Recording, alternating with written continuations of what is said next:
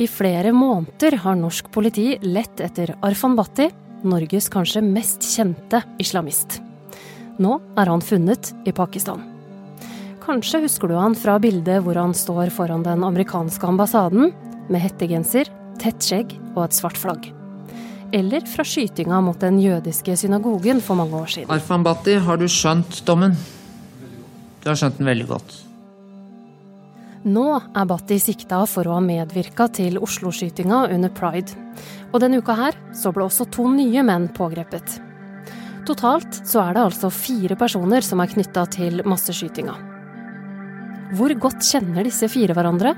Og hvem er Arfan Bhatti? Det er onsdag 28. september. Du hører Forklart fra Aftenposten, og jeg heter Hanne Marie Maugesten. Da vi snakket med kilder i det pakistanske sikkerhetspolitiet i går, så sa de til oss at han sitter i arresten i Guriat, en by litt nord i Pakistan. Andreas Bakkefoss er journalist her i Aftenposten og har dekka mange saker om Arfan Bhatti. De siste dagene har jo eh, Bhatti vært etterlyst av norsk politi, som, eh, som mener han eh, har spilt en rolle i angrepet under pride tidligere i sommer, der to stykker ble drept og flere ble skadet. Sjansen er stor for at du har hørt i alle fall litt om Arfan Bhatti fra før. For han har mange år bak seg som en av Norges kanskje mest berykta kriminelle. Allerede som 15-åring så havner Arfan Bhatti for alvor på politiets radar. Og det skjer når han går inn i en butikk på Bislett i Oslo og angriper eieren av butikken. I dommen fra den gang så står det at Bhatti slår en brusflaske av glass i hodet på butikkeieren, og deretter drar han ifølge dommen fram en kjøkkenkniv han har med seg, og stikker innehaveren flere ganger i brystet og magen. Og det her blir starten på en lang kriminell historie. Når han gjør dette, så er Bhatti bare 15 år gammel, men allerede i den alderen så har han vært medlem av en ungdomsgjeng som heter Young Guns i et par år eh, allerede. På dette tidspunktet så er det en gjeng med norskpakistanere, kriminelle gutter og, og menn, og de har også tilknytning til en annen av de store gjengene på den tiden, A-gjengen. Så i tidlig alder så var Bhatti godt vevd inn i det hardbarka kriminelle miljøet i Oslo. Hva mer vet vi om han eh, som ung, da? Han ble født i 1977 og vokste opp i Norge med foreldre fra Pakistan. Han har eh, tre søsken og var yngst i søskenflokken.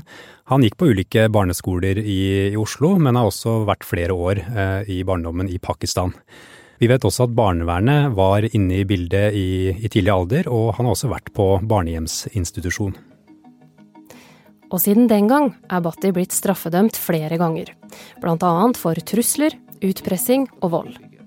Senere så ble han også sikta for skytingen mot den jødiske synagogen i Oslo. Ut fra det totale bevisbildet er imidlertid retten sikker, ut over enhver rimelig tvil, om at Bhatti har spilt en rolle i skytingen i en slik grad at han har vært en medvirkende årsak til at denne ble gjennomført. Nei, dette er jo ganske drøye ting, vil jo folk flest si. Han er dømt for familievold og vold og torpedooppdrag, og alt dette gjør jo at han eh, stadig oftere havner i politiets eh, søkelys, og blir en person som de kjenner godt til og har i sine registre. Så kommer jo saken eh, mot den jødiske synagogen i Oslo, som på mange måter løfter Bhatti opp på et annet nivå, eh, rent kriminelt. Eh, her blir Bhatti i 2008 dømt for å ha medvirket til å skyte mot synagogen på Sankthanshaugen i Oslo. Ulike rettspsykiatere de har jo beskrevet han på litt ulike måter. Uh, det er en som har ment at han har såkalt mangelfullt utviklede sjelsevner, mens en annen rettspsykiater beskriver han jo som egentlig hyggelig og flink til å snakke. Det er ganske sånn motsetningsfylte beskrivelser av ham det her. Ja, det er det jo. Jeg har selv bare møtt eh, Batti én gang og, og, snakket med ham én eh, gang. Han fremstår jo på mange måter eh, ofte som en karismatisk fyr for de i kretsen rundt seg. Han er jo omtalt av politiet som en ledertype i det islamistiske miljøet. Og det kan man jo se for seg er mye på grunn av hans uh, status uh, rent sånn kriminelt og hans kriminelle rulleblad, men det handler nok også om at han er en fyr som uh, klarer å samle folk rundt seg og få folk til å lytte eller tro på det han sier.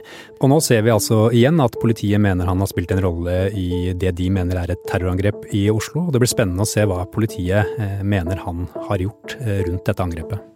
For nå er han sikta for medvirkning til terror.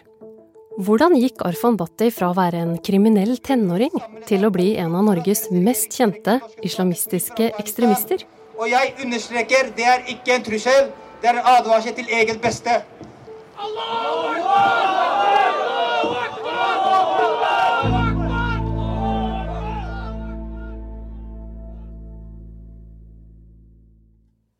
Når vil du si at det på en måte, når snur det for eh, Bhatti? Når endrer han seg fra å være mm, ja, kanskje det du vil kalle en vanlig kriminell, da, til å bli eh, mer radikalisert og til å bli en ekstrem islamist?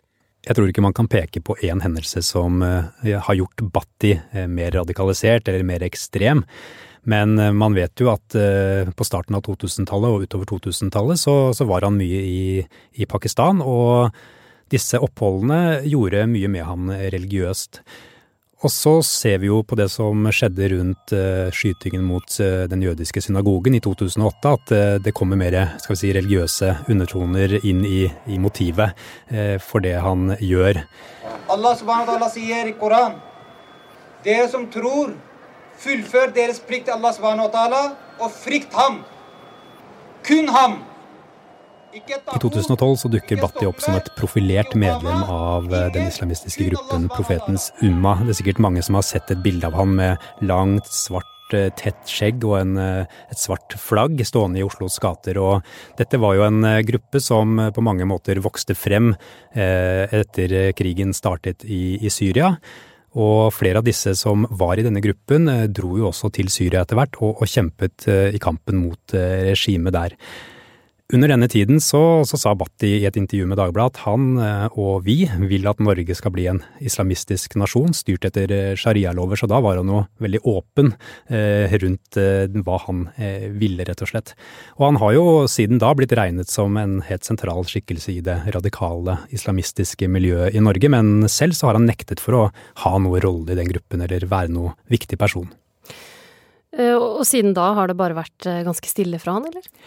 Det er vel aldri helt eh, stille rundt eh, Bhatti, men han dro jo til eh, Pakistan og, og ble også fengslet i Pakistan av pakistansk etterretning i, i, 2013. Og han ble senere løslatt etter å ha sittet rundt et år i, fengsel, og da var det med hjelp fra personer rundt Taliban-miljøet.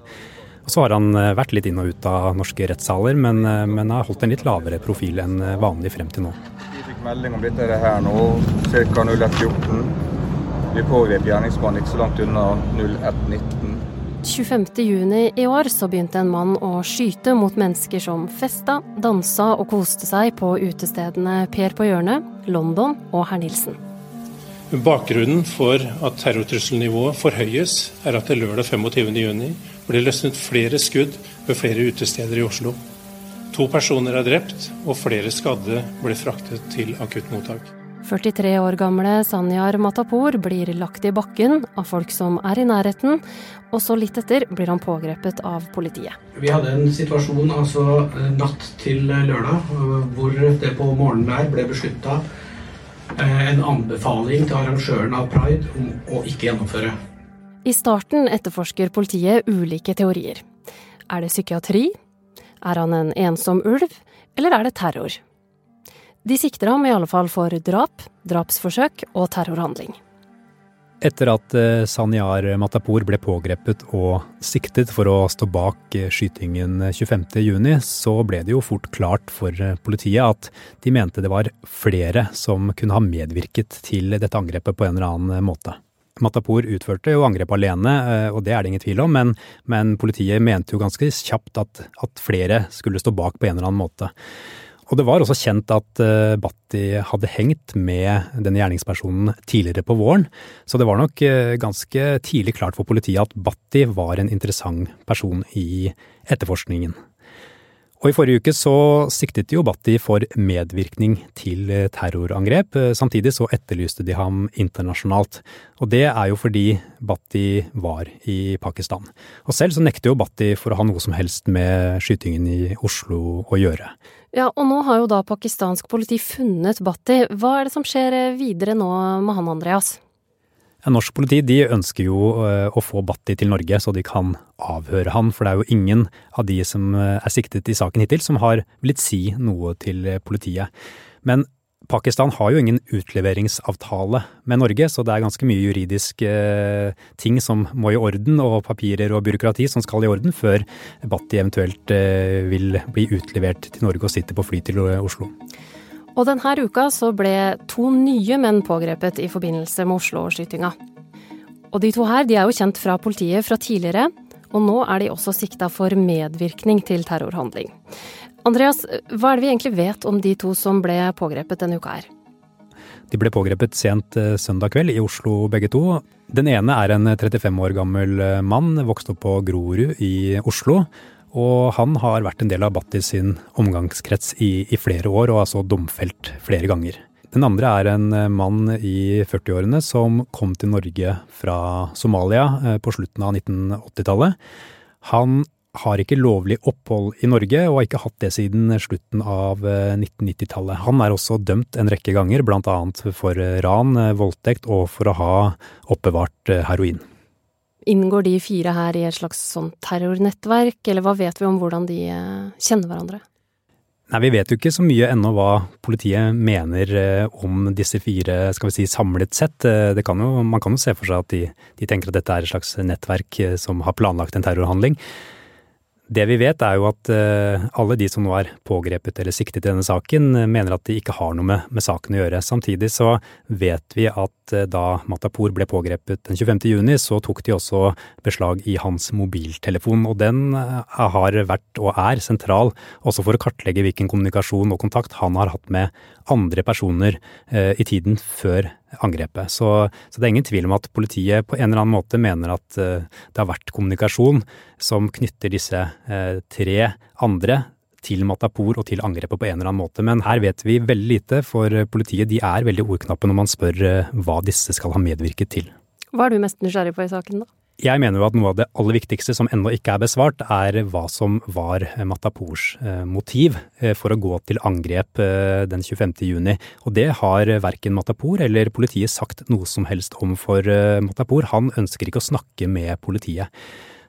Var det et eh, terrorangrep? Var det et angrep på det skeive miljøet i, i, Norge? Var det et angrep på vestlige verdier som uh, i helhet? Hva, hva, var motivasjonen? Hva var målet?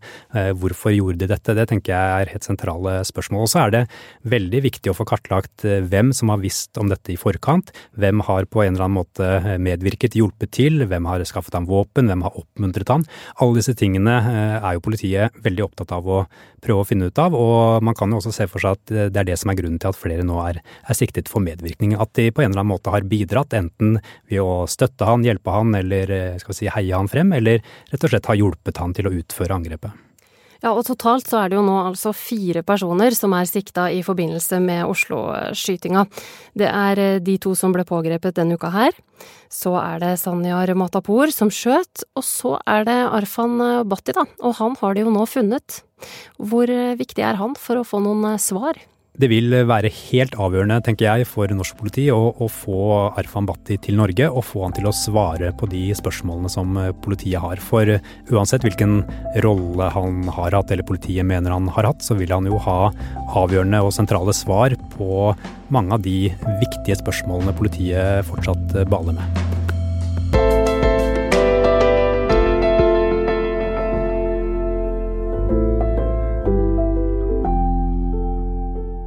Det var Andreas Bakke Foss som ga oss innsikt i den siste utviklinga i denne saken.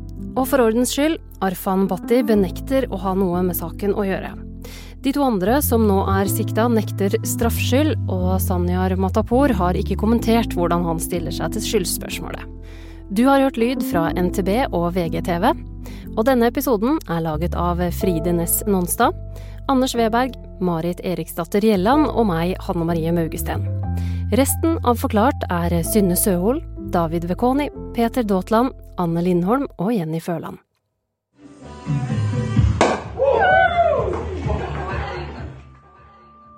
Det året Ida er 23 år, merker hun at noe er annerledes.